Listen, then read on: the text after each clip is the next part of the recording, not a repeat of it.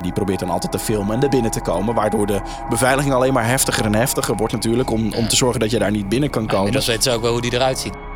En Juliana die was daar al langer in geïnteresseerd. In het onderwerp dus eh, vliegende schotels. Ik vind het Koningshuis op zich ook al buitenaards Eh, oh. qua wezens. Anna Polona, grootvorstin van Rusland.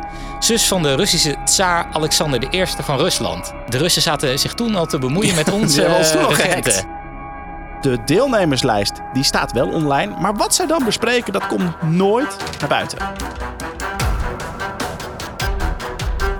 Dit is de Complotcast. Een podcast over duistere complotten, geheime genootschappen en mysterieuze verschijnselen.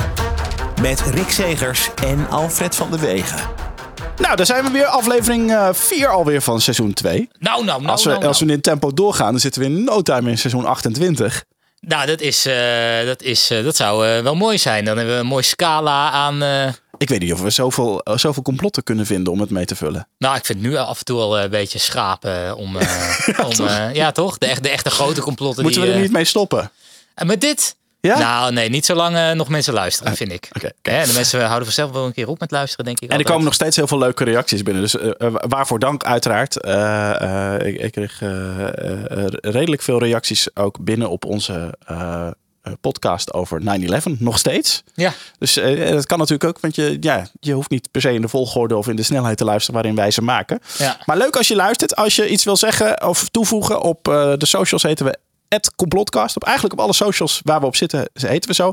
En e-mailen kan naar complotcast.gmail.com. Eh eh, vind het leuk om wat van je te horen. Als je het leuk vindt om te luisteren of als je iets toe te voegen hebt of een tip. Vandaar moet je het dus over hebben. Alles is, eh, alles is eigenlijk van ja. harte welkom. En ook als je denkt van eh, wat jullie zeggen, jullie zeggen het helemaal eh, verkeerd. Klopt geen reet van. Dan kunnen we misschien ooit nog eens een keer een hele grote rectificatie-uitzending Nou, maken. dat lijkt me nu al leuk. Ongetwijfeld heb ik hier nu alweer spijt van. Want dat gaat, ja, dan moeten we een studio afhuren voor wel heel veel tijd. Ja. Maar ja, dan dan kom maar door. Laat het maar gewoon Ja, toch? weten. Ja. Zullen we beginnen vandaag? Want ik vind dat we vandaag een, een, een, een, nou, ik ben, een, een bekroonde uitzending hebben. Ja, we hebben, we hebben het in een, in een mooi jasje gestoken. Of moet ik zeggen mantel. In een, ja, oh, Is dat, is dat toch? Dat dragen ze toch? Ik, heb geen, ik zit er niet zo lekker in.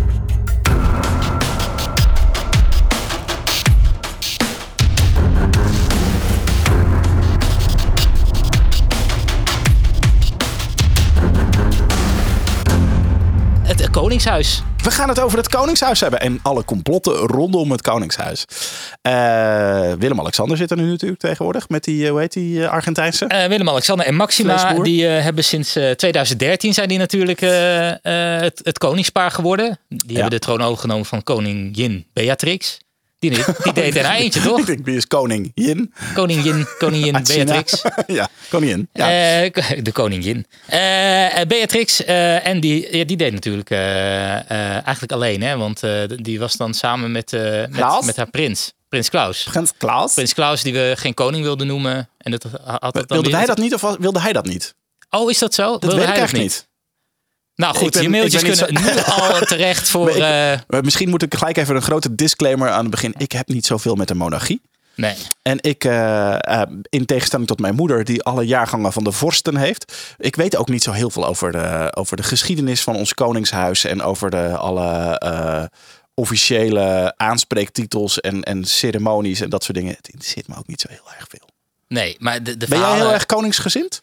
Eh, nee, van mij mogen we echt per direct eh, ermee stoppen. Ik bedoel, ik vind, ik vind, eh, ik vind Willem-Alexander een aardige pik volgens mij. Maar, Nee, ja, en hij mij- maar hij, ik bedoel, hij mag wel iets leukers doen van het geld wat hij allemaal van ons krijgt, toch? Nou, volgens mij is het een, volgens mij is het een hele leuke Een feestje geven voor kerel. ons allemaal of zo. Ik wil wel eens even Ja, langskomen nou tot ja, kasteel. het Koningsdag is toch het feest wat we elk jaar krijgen? Sterker nog, ik ben nog steeds. Ja, ja, daar betalen we toch ook allemaal lekker zelf voor. Ik moet altijd, altijd nog, nog steeds die tompoes afrekenen. Ja, is dat Met oh, Koningsdag. Jij niet? Oh. Krijg jij die gratis? Moeten we die nog steeds... eh Oeh. Maar ik heb, ik, eh, sterker nog, ik heb één keer geprobeerd om de band te versterken tussen mij en het Koningshuis. Ja? Toen heb ik namelijk eh, bij de geboorte van mijn, mijn, mijn oudste dochter, die is ondertussen vijf, dacht ik, weet je wat? Ik stuur ook een geboortekaartje Naar het Koningshuis. naar het Koningshuis. dus ik had uitgevonden wat het, wat het adres was van Willem-Alexander en Maxima. Is niet zo heel moeilijk. Iemand, Iedereen met Google kan dat vinden. Dus ik denk, nou, ik krijg vast niet een persoonlijk berichtje terug, maar ik krijg een algemene van bedankt voor uw eh, bericht en bladibla. Niks. Helemaal niks. Niks. Ik had ze nog uitgenodigd op de koffie. Ik, Ongelooflijk. Ik denk, eh, Willem-Alexander ziet er wel uit alsof hij best beschuit met meisjes lust. Eh, Ja. En, en ik, Ja, ik had eventueel ook nog bier ingeslagen. Koning Pils. Ja, Ja. Ja. Is die koning Pils? Ja, ik weet dat hij prins Pils was. Maar, oh, eh, pin- ja, nee, ja. maar ik, ja, eh, nou ja, we- we- we- maar goed. Eh, de koning is dood, lang leven de koning. Precies. Dus om alvast even een disclaimer voor alle koningsgezinde mensen. Misschien kom ik wat kort door de bocht. Deze uitzending. ja, en eh, dat geldt ook voor mij. Eh, maar eh, desalniettemin. Maar goed, we gaan geen, het is geen belediging van het Koningshuis. Dat is trouwens ook strafbaar in Nederland. Ehm, dus ja, ik vrees dat we ons nog steeds wel aan de wet moeten houden. Maar eh, er zijn wel wat complotten rondom het Koningshuis. Niet alleen het huidige ko- Koningshuis, maar ook in het verleden. En ik dacht, het zijn er zoveel dat we die misschien kun- mooi kunnen bundelen in deze uitzending. eh, en even wat dingen eruit kunnen halen. Ja, Sowieso hebben wij als complotliefhebbers een goede aan eh, oud-koningin Juliana. Nou die sowieso. Dat is wel... in- Dat is wel ja, Prinses even Juliana, zoals ik eigenlijk te- kende. Maar ze is ooit koningin Ja, ze is geweest ooit natuurlijk. koningin geweest. Eh, want eh, eh, prinses Juliana, of koningin Juliana, die had in haar tijd als, hoe zeg je dat dan, regent, is dat dan goed? Ja, Of als majesteit, weet ja, ik veel. Ja. Eh, had zij een enorme fascinatie, en ik denk daarvoor eigenlijk ook al, voor het bovennatuurlijke. Uiteraard. Ja, we kennen allemaal de, de, de, de Geet Hofman affaire. Ja, maar hij eh, is, het, is wat weggezakt. Hoe, hoe zat het ook alweer? Ja, dat was een vrouw en die eh, geloofde heel erg in... ehm, Spirituele golven en dat soort ja, dingen, en andere alternatieve geneeskunde. Ja. En eh, ja, dat, dat, de, rest van het land niet. Dus hè, die waren daar al een beetje huiverig over dat Juliana er allemaal met dat soort mensen omging. Maar dat, ja, de Hofman was niet de enige aparte verschijning in het, in het Koningshuis. Nee, want in eh, mei 1959 nodigde koningin Juliana ook nog George Adamski uit. En, Van eh, Killer? eh, nee, Oh, nee. niet de artiest. Wat een goed nummer trouwens. Doem, doem. Goed. En die beweerde dat hij in contact stond met buitenaardse wezens. En Juliana die was daar al langer in geïnteresseerd. In het onderwerp dus vliegende schotels. Ik vind het Koningshuis op zich ook al buitenaards Eh, oh, qua wezens. qua ja, het zijn een beetje, beetje Ja, aparte mensen. ja. Maar, ehm, maar hij had daar contact mee. hij had daar eh, eh, ja, contact mee en dus werd hij uitgenodigd. En dat was niet de eerste keer. Ze had al eerder voor aanstaande geleerden uitgenodigd om daarover te komen praten met haar. Zo sprak ze onder meer met professor Hendrik Casimir, de directeur van Philips en Natuurkundige Laboratorium. Dus die man die, die had er wel eh, een, Kijk op. Een, een kijk op. Ja. Eh, Jan Hendrik Oort eh, heeft ze ook een keer uitgenodigd. Dat was dan weer de directeur van de Leidse Sterrenwacht. Gewoon om Ah. eens aan hun te vragen. Gewoon face-to-face. Onder, de, onder vier ogen. Van hoe zit het nou? En is er nooit iets gespot of hebben we nooit iets gevonden? Maar, eventjes, ik denk altijd, als er iets meer is, dan zijn degenen die dat weten, die zitten heel hoog in de regering, toch? Want die krijgen uiteindelijk, die filteren al die rapporten die bij ze Nou, uitkomen. Je, je zou moeten Dus- denken dat de koningin, als iemand het zou moeten weten. Als iemand het zou moeten weten, niet uit persoonlijke ervaringen, maar gewoon omdat die informatie verzameld is en eh, ja, eh, belangrijk genoeg om te delen, is zij het wel, toch? Dus Dat- misschien deed ze zou je, dit om dat zou je denken. Maar aan de andere kant eh, kun je ook wel weer voorstellen dat hè, er zijn zat koningen eh, en koninginnen en prins en prinsessen geweest die een beetje losgeslagen waren. Mhm. Dat je denkt van nou laten we het ze niet vertellen. Want wie weet, eh, hè, eh, lekken ze het een keer per ongeluk naar buiten. Verspreken ze zich of wat dan ook. Op een staatsbanket. en dan gaat het helemaal mis natuurlijk. Ja, dat is ook weer zo. Dus dat zou ook wel weer Ja, kunnen. dat ze dus, dus de, dat, misschien had Juliana het, juist het idee dat ze door de regering in het ongewis werd gehouden. Ik bedoel, ik zou Trump, stel er is buitenaards wezen en ik leven en ik weet dat. Ik zou dat Trump niet vertellen. nee, precies. Dus ja, dat is ook weer zo. eh, dat is misschien wel een goed voorbeeld. Maar deze George Adamski dus, die heeft ze wel eens uitgenodigd. En eh, die heeft ze toen ook als spreker uitgenodigd in het Gebouw voor Kunsten en Wetenschappen in Den Haag.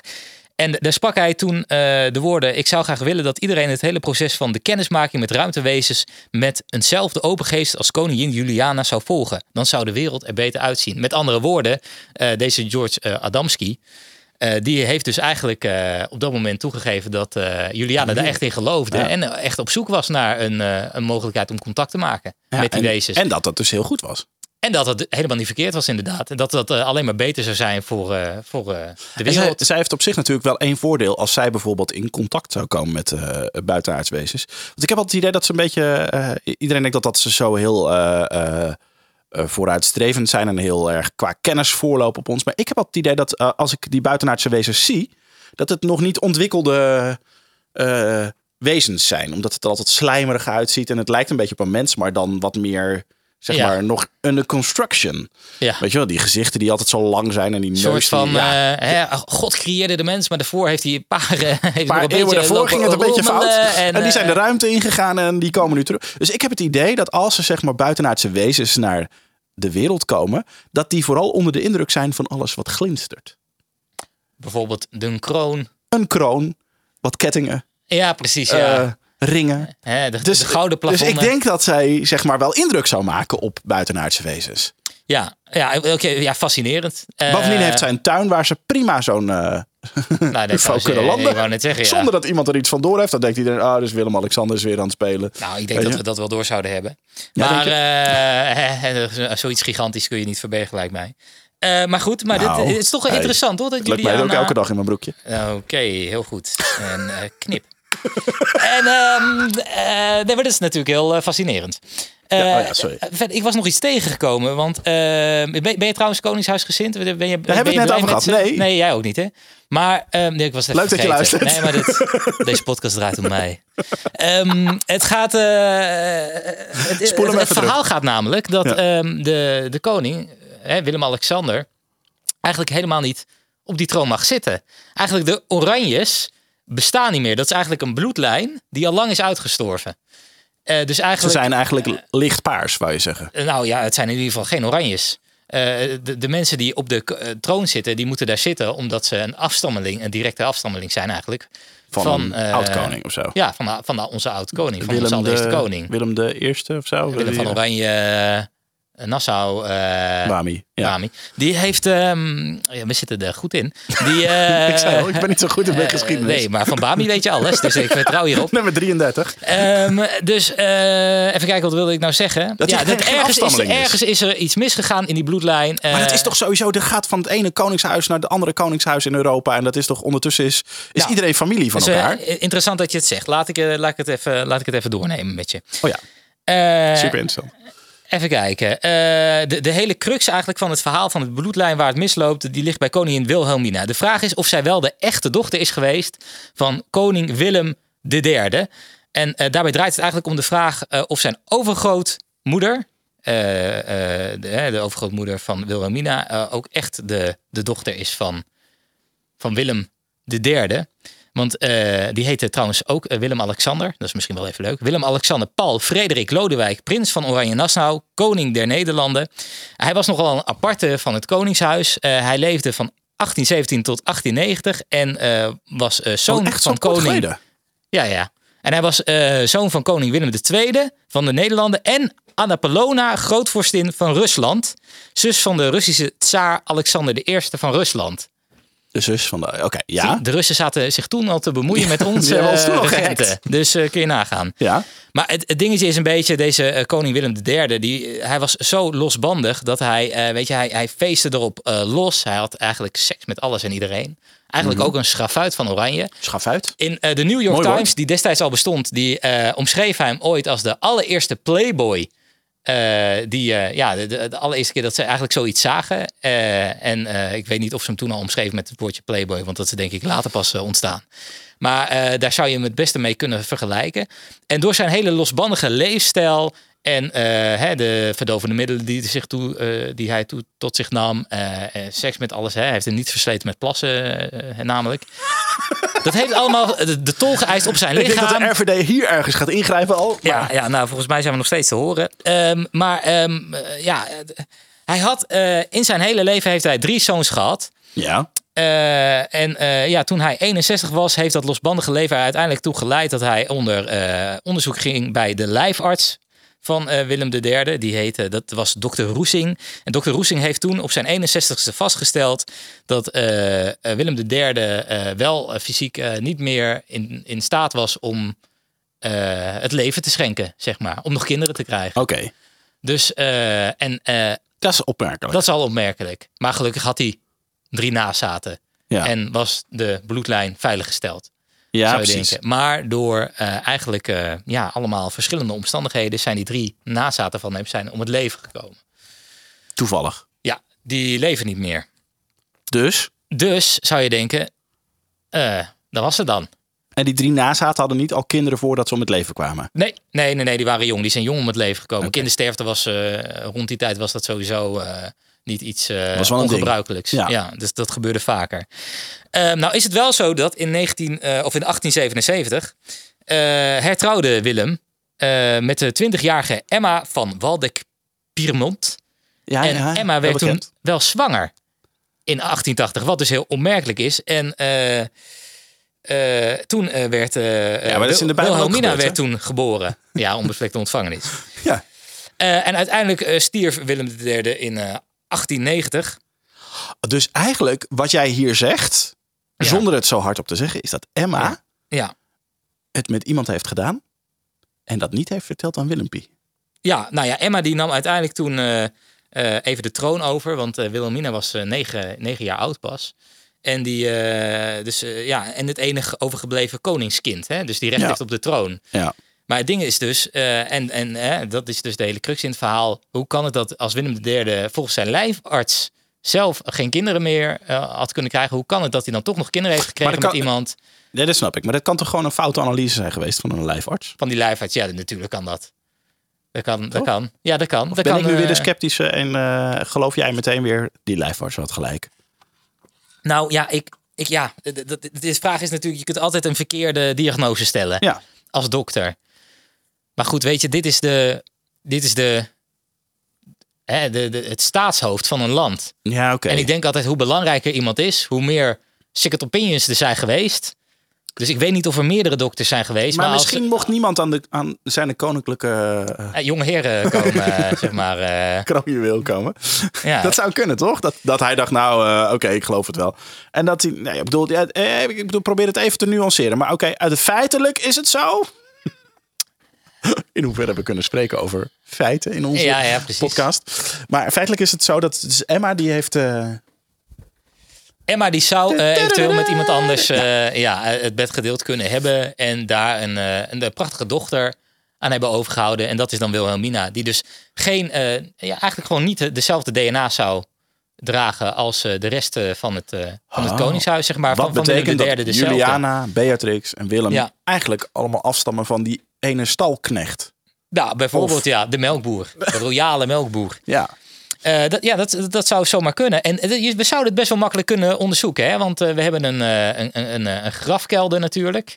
Volgens mij is dat in Delft, Ja. als, ik, als ik het niet verkeerd zeg. Nou, daar liggen nog steeds de stoffelijke overschotten van het, eh oh, jij dat van de voormalige leden van het Hey, Koningshuis. Rick, ga je even voorstellen dat we daar een DNA-testje afnemen? Nou, dit is, ik ben, dan zou ik niet de eerste zijn. Want deze, Echt? dit is al veel, ja, dit is al veel en veel eerder is dit ook al een keer voorgesteld. Maar Maar, dit gaat- eh, ze- de Oranjes zijn niet zo happig om eh, dergelijke testen te ondernemen. We krijgen, elk jaar krijgen we 400 miljoen eh, euro eh, eh, eh, om lekker uit te geven. Nee, ik Ja. weet niet hoeveel het is. Ze krijgen, maar ze krijgen veel te veel. En, eh, en dat, dat laten we graag van ons afnemen, omdat blijkt dat we niet, niet echt oranjes zijn. Ja. Ja, ja, we- eigenlijk worden we voor gek maar, gehouden. maar, en, maar nu ga je er dus heel principieel van uit dat iemand dus echt het bloed moet zijn van, van Willem, eh, Willem I eigenlijk. Terwijl je ook gewoon kan zeggen, ja, maar een geadopteerd kind is toch, eh, is toch even kostbaar voor een ouder als een niet geadopteerd kind? nou, weet je, het eh, hele ding is... Het, eh, Een, een, een stiefkind. nee, jongen, nee, maar voordat ik eh, de, de hele gemeenschap van pleegouders over me heen krijg... Eh, nee, dat, dat, dat interesseert me niet. Maar we hebben ooit in de, in de wet hebben we, eh, vastgesteld... We? Ik heb helemaal niks vastgesteld. Artikel 24 in hoofdstuk 2 van de Nederlandse grondwet bepaalt dat het koningschap erfelijk moet worden vervuld door grondwettelijke opvolgers van koning Willem I, prins van Oranje-Nassau. Ja, oké. Dus als dat niet het Ik geval hoor weer is... Nassi trouwens hoor. ja, maar ja, ja, ja, ja. ja. Dat is 32 neem ik aan. ja.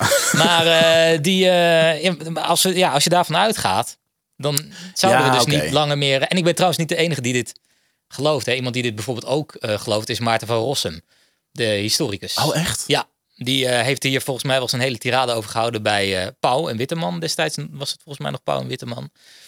En die, die kwam, kwam er ook gewoon vanuit. Van, het is heel raar, weet je wel. En als we er zoveel over twijfelen, dan gaan we dat toch gewoon testen. Uitzoeken, Dat, dat moet toch gewoon ja. kunnen dat je daar dan... er is al eerder een keer speeksel afgenomen, namelijk bij... volgens mij was dat prinses Margriet. Maar die DNA, dat, die zit achter... ja, eh, hoe heet het? Een slot en grendel. In Ja, dus, kluis. ja, dus daar, daar, daar komen we niet meer Dat bij. is ook geen zuivere koffie dan, hè? Nee, maar je zou het kunnen denken, dus we hebben DNA al. Dus, eh, hè, dat, dus dat, dat, dat wordt ons al bespaard, die ongemakkelijkheid. Eh, we, het enige wat we hoeven te doen is de grafkelder open te gooien. Even een heel klein beetje, even iets Maar van kunnen wij daar niet gewoon met onze, onze fans een soort daguitje van maken? Naar, de, naar die Oh, ja. En dat er dan iemand van ons even... Dat we zorgen dat de hele groep een afleiding maakt of zo. Ja. Van, El, brand, brand! En dat iemand dan die kelder inloopt. Een heel groot breekijzer meeneemt. Want volgens mij is het een enorme Ik, eh, steen die op dat graf Nou, ik wil me bij deze alvast distancieren hiervan. Want eh, je weet hoe het met die vaccinelichthouder is uh, afgelopen. die, elke Koningsdag wordt hij wel opgesloten. Nee, elke Prinsjesdag wordt hij wel Ja, opgesloten. en bovendien, laten we eerlijk zijn, we gaan ook niet mensen oproepen. Want er zijn, eh, nou ja, recentelijke voorbeelden. Dat er weer een of andere mafketel in Amerika die eh, gelooft in complottheorieën. gewoon eh, allerlei mensen heeft eh, vermoord in die synagoge. Ja. Dus, eh, en dat is al vaker gebeurd. Dus nee, eh, eh, dit is, eh, oké. Laten we het gelijk even, dit was een grapje. Dit is zeker niet onze oproep om eh, het graf in te gaan. Al zou ik toch benieuwd zijn wat eruit komt. Ja, nee, nee ja, ja, ik zou ook heel benieuwd zijn. Maar eh, god, geloof jij het? Ja, tenminste, ik zou, ik, het is wel de moeite nou, waard het- om het ja, te onderzoeken. Het, weet je, het, met het Koningshuis is het toch wel vaak gebeurd dat er weer de... eh, ik bedoel, van, van goed, er Bernhard zijn- er komen zijn- ook steeds vaker weer kinderen Ja. boven water. Ja, er zijn zat buitenechtelijke kinderen. Ja, Ja. ja die, ja, dat is. Oké, dus, eh, dus wat je ja. eigenlijk zegt is dat eh, een van de, de grootste complotten over dat ons Koningshuis is dat ons Koningshuis eigenlijk niet officieel ons Koningshuis is. Ja, ik denk dat dit wel. eh, het, het, ja, dit, dit lijkt mij het meest eh, plausibele complotten. Er zijn natuurlijk wel meer complotten rond het Koningshuis, maar deze vind ik wel redelijk plausibel. Nou, daar gooi ik er nog even eentje tegenaan. Dat is goed.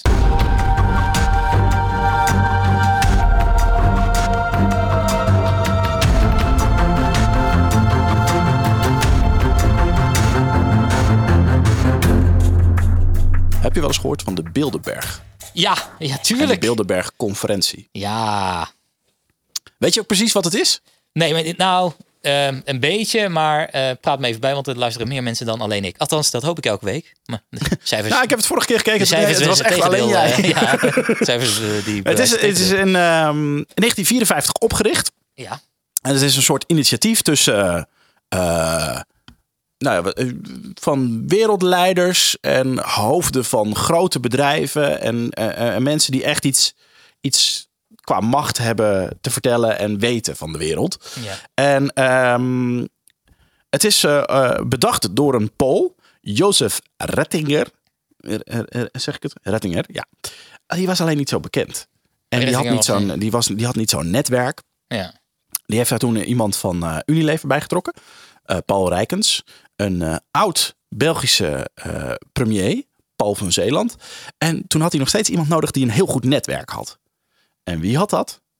Prins Bernhard. En die was natuurlijk al in Nederland en Engeland en in Duitsland heel erg bekend. Ja. Omdat hij in alle landen wel gewoond en gewerkt heeft. ja. Ehm, maar goed, dus, die hadden, eh, dus eigenlijk is, is eh, voor, de, voor, de, voor het grote publiek is Prins Bernhard de oprichter van de Bilderberg de. Het heet ook de Bilderberg groep, omdat de allereerste eh, eh, bijeenkomst was in Hotel Bilderberg in Oosterbeek. Volgens mij staat het er nog steeds in, eh, in, in, in Oosterbeek. En daar was dus een, een, nou ja, een bijeenkomst. En dat waren eigenlijk alle grote namen uit Europa en uit Amerika. De bilaterale groep mensen. En de grote vijand eh, was bijvoorbeeld Rusland.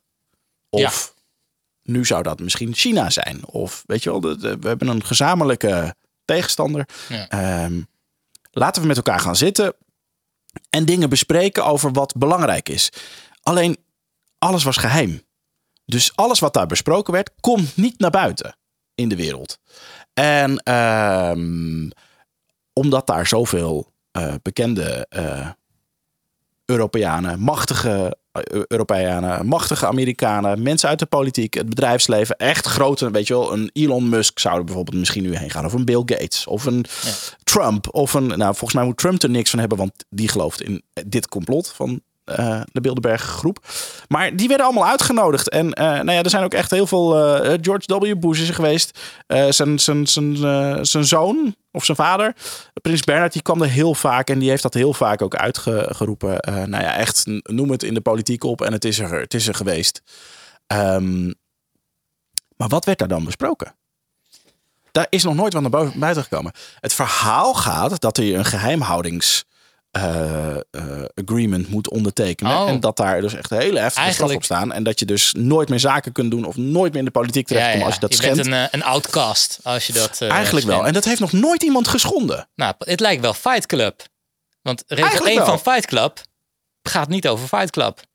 Maar dit is eigenlijk precies hetzelfde Ja. dus. Dus, je- dus je gaat daarheen. Nou, die eerste die was dus in, in, in, eh, in, dat, eh, in het hotel. Dat werd ook officieel gewoon aangekondigd. Daar mocht pers bij zijn van we gaan hier een conferentie houden. Eh, we houden alles hier binnen, binnen de deuren. En ehm, ja, er is in de loop der jaren wel eh, het een en ander over losgekomen. Wat daar dan zou gebeuren. Zo is er bijvoorbeeld een, een verhaal dat eh, de oorlog in Joegoslavië is een beetje daar ontstaan. Want ze hebben ze gewoon een beetje daar eh, geschoven. Oh, Eh. en hebben ze toen ook de, de grenzen getrokken en... eh, Nou, dat zal me niks verbazen als dat gebeurd is. Dat, dat, dat, weet ik, dat, dat weet ik dan niet zeker. De rest weet ik allemaal wel. ja, Nee, ja, dat niet 100 zeker. 100% Eh, maar ehm, eh, ehm, wat is er nog meer gebeurd? Oh ja, er werd, er werd ook gewoon gezegd van die wereldleider, die moeten we omleggen. Die heeft te veel macht. Of ehm, die persoon, eh, die, krijgt, eh, die krijgt er iets te veel praatjes. Die moeten we de mond snoeren. Zo, zo werd er bijvoorbeeld gezegd van eh Paul Pot in, in Cambodja. Dat was toen Ja. de leider daar. Die hebben, heeft toen eens een proef gedaan om, om hele bevolking uit te roeien. Van wat, wat zou er dan gebeuren? Dus het was een beetje een proefballonnetje. Van wat gebeurt er dan? Als dat, die deed dat in opdracht van de Bilderberg groep. Van wat gebeurt er als je nou een hele, heel stuk bevolking uitroeit? Hoe wordt daarop gereageerd? En dat was een proefballonnetje om eens te kijken of dat op grotere schaal kon. Alleen daar is dus heel slecht op gereageerd. En dat, dat, dit, is, dit is een van de complotten die, eh, die, die er naar buiten is gekomen. Nou ja, Ehm, ik snap het ook wel. Want eh, er is heel veel onvrede over de lijst van mensen die erbij zijn. Het is, eh, het is, ze, eh, ze, ze laten ook regelmatig weten wie erbij zijn hoor. Dus eh, er staan dan lijstjes. Even, ik, ik had het net voor mijn neus wie er dit jaar waren. Bijvoorbeeld, het, het was dit jaar in juni in het Italiaanse Torino. Dus het is, het is niet elk jaar in, in, Ja. in Nederland in het Bilderberg Hotel. Ehm, eh, Klaas Knot is geweest, de, baas van de, de Nederlandse Bank. Oh. Mark Rutte, Oh. de baas van Nederland, zeg Ja, ik dan maar eventjes. ja. Jeroen van der Veer. Die was vroeger de baas bij, eh, bij Shell. Ook een machtige, machtige zakenman. Sigrid Kaag, minister van... eh, staat hier minister van Gulle Uitdeelzaken. Volgens mij. Eh, waar is hij er weer van? Gulle uitdeelzaken. Ja, dit is... Waar haal je je informatie vandaan? Ja, sorry, ik, ik zit nu op ik moet zeggen, ik vind nu ineens dat deze theorie... Onderuit gaat. Eh, z- wat, wat is zei zei hij? hij? Minister Eh, Sigrid Kaag zei het, toch? ja. Voor buitenlandse handel en ja, ja, ontwikkelingssamenwerking. nou, dat klopt op zich even, wel. even gegoogeld hoor. Weet Ja, ik ook. Ehm, nou, die waren daar allemaal bij. Dit is, eh, de- de- deze bron heeft het ook weer ergens anders vandaan. Maar ik vond het een heel makkelijk lijstje dat het even netjes voor mijn neus stond. Maar dus, nou er zijn dus echt heel veel mensen uit de hele wereld zijn daarbij gekomen. En eh, eh, eh, dus, dus de deelnemerslijst die staat wel online. Maar wat zij dan bespreken, dat komt nooit naar buiten. Ja, maar... Sterker nog, er worden ook heel vaak, nou niet heel vaak, er worden af en toe journalisten uitgenodigd. Die er dan vervolgens nooit iets over schrijven. Oh, handig wel. Ja, maar, het handige je- daarvan is ja. natuurlijk dat als een journalist daar is en die, die heeft aangegeven dat hij daar nooit iets over mag schrijven, die gaat natuurlijk nooit kritisch meer zijn over iets wat daar besloten is. Nou, weet je wat, wat, wat leuk zou zijn om te onderzoeken, is misschien als er eh, de journalisten die er geweest zijn, eh, zij staan die op een lijstje of zo. Want dan zou je die, die lijst eh, kunnen gaan checken op mensen die misschien positief iets hebben geschreven over de dividendbelasting en de afschaffing Ah, daarvan. Zo bedoel je. Want dat, die dat dividendbelasting is misschien wel iets wat terug is gekomen op die Bilderberg-conferentie. denk en dat dat, is te iets wat. lokaal is hoor. Dat is te lokaal. Ja, ik denk dat je, dat je meer op niveau van, eh, van wereldleiders en, en wereldbeslissingen. Dus de inval in Irak schijnt daar besloten te zijn. Weet Oh, je wel? ja, Dus eh, weet je wel, dan gaat daar heeft het hele. Ja, ik dacht meer, mee. de, meer, meer, ja, dat is natuurlijk, dit heeft ook eh, economische gevolgen. Maar ik dacht meer grotere economische gevolgen misschien. Ja, nou ja, maar het zou kunnen dat dit. eh, of dat het in een achterafkamertje, even voor Nederland, zeg maar, met eh, hoofd Shell en hoofd Unilever. Ja, en, dat en dat nog even zo van, "Ah, ja, weet je wel, daar af. Dit was een hele slechte imitatie. Voor iedereen die dacht, wie bedoelt hij? Maar ehm, Willem-Alexander was er ook gewoon bij van de zomer. Nou, wat, eh, wat, wat, wat, lekker voor hem. Lekker weekendje weg van de kinderen. Nou, dat kan ik me in zijn geval best goed voorstellen. Maar ehm, ja, dus dat, dat is wel een goeie van jou. Dat je even de journalisten gaat checken. En Ja. wat hebben die sinds die tijd allemaal geschreven? Want eh, de pers is gewoon natuurlijk, eh, dat merken we, dat is steeds Fake belangrijker.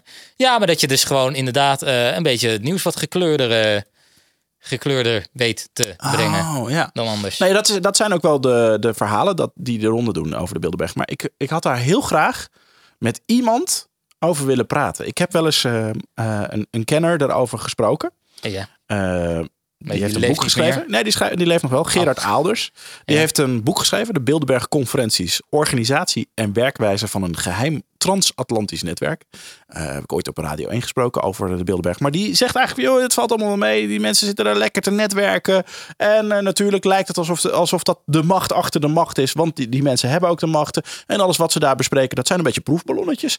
Die, eh, die bespreken daar een beetje van, nou, maar zo- goed, wat zou je daarvan denken? En, als ze, en hij zei, het grote voordeel daarvan is... Rick, als jij daarheen gaat, dan heb jij het telefoonnummer, het directe telefoonnummer van Willem-Alexander of van Mark Rutte of van Trump als die erbij zou zijn of van Obama. Obama is er geweest in het verleden. Die kun je dus en mag je dus ook altijd bellen, want dat is je Dat is, dat is onderdeel van de dat is, dat is je privilege. En je moet ook, eh, weet je wel, dus en het blijft ook altijd geheim wat jij bespreekt met die persoon of wat daar besproken is.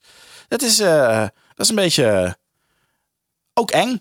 Ja, ja een beetje, beetje wel eigenlijk. Ja, je moet toch niet denken dat, dat, dat, dat, dat, dat, eh, weet ik veel, eh, Trump al die nummers krijgt. Ik, eh, ik vind het ook wel mooi. Er is ook een Amerikaanse journalist. Die zit daar heel fel bovenop. Ja. Eh, Tim Tucker, of Jim Tucker. Die heeft ook, eh, moet je maar eens op, op YouTube volgen. Die heeft ook regelmatig bij bijeenkomsten gestaan. En die probeert dan altijd te filmen en er binnen te komen. Waardoor de beveiliging alleen maar heftiger en heftiger wordt natuurlijk. Om, om te zorgen dat je daar niet binnen kan komen. Inmiddels weten ze ook wel hoe die eruit ziet, neem ik aan. ja. En op zich geeft het ook al weg als er een camera bij staat. Ja, van, goh, dat oh zou wel eens een journalist kunnen zijn. Of iemand die kritisch over ons is. Maar, maar uiteindelijk heeft hij ook nog nooit iets boven tafel kunnen krijgen. Hij heeft ook in bosjes gelegen. In Ja, greppels ja. en door het water. En het is fantastisch. eh, ja. Een soort Joop van Tellingen van... eh Ja, was het het is- Joop van Tellingen was toch van de, de, de bekende paparazzi van Nederland? ja, die lag altijd in de bosjes. Edwin. Smulders. Ja, Edwin Smulders nog steeds volgens mij. Ja, ligt hij er nog steeds? Wat verdorie. Misschien moeten we hem een keer opduiken. Even een keer een warme kop thee Ja. brengen, want het is, eh, begint Het is wel te worden. zielig. Maar ja, goed. Nou ja, ik vind de Bilderberg-conferentie... on- ondanks dat ik het heel eh, interessant vind... weet ik gewoon echt niet wat daar gebeurt. Ja, ja. En dat Nou is ja, weet je wat het het- grootste complot. Maar ik denk dat we zo Gerard Alders die dan zegt van ja, maar er worden een beetje proefballonnetjes. Maar dat denk ik. Ja, maar dat denk ik ook. Ja, maar die proefballonnetjes, maar dat betekent wel dat die kunnen wel eh, uiteindelijk uitgroeien tot een heel concreet idee en plan en eh, toch? Dus ja. Ja. ja. geen idee. Ook weer, ja. We zullen het nooit weten. we zullen, we zullen Als jij weten. Van het Koningshuis bent Ja. en je bent niet eens met wat we hebben gezegd, reageer vooral complotcast.gmail.com. Maar nee, nee, ja, en vooral als, je, als iemand iets weet over de, de Bilderberg groep. Want ik vind dit net zoals de Illuminati, maar Ja. daar, daar kan me voorstellen dat je bij de Bilderberg nog eerder geneigd bent om te praten dan bij de Illuminati. Want, Ja. want van de Bilderberg groep weten we in ieder geval, die bestaat. Daar gaan mensen heen. We weten alleen niet wat er besproken wordt. Van de Illuminati weten we, hebben we niet een lijstje van dit zijn de leden die elke, elke maand bij de Illuminati langskomen. Dus ja, als je er bent en je wil een keer uit de school klappen, hè, voel je vrij. Er luistert toch niemand naar deze podcast. Ik wou net zeggen, ga, ga, ga vooral je gang. dus eh, nee, maar eh, nee, ja, kom gewoon door met, met de informatie. Hè, wees niet bang, we vervormen je stem. Doen we dat? Ja, Hoe moet dat? ik weet niet. eh, Dat zien we dan wel. spelen achterstevoren af.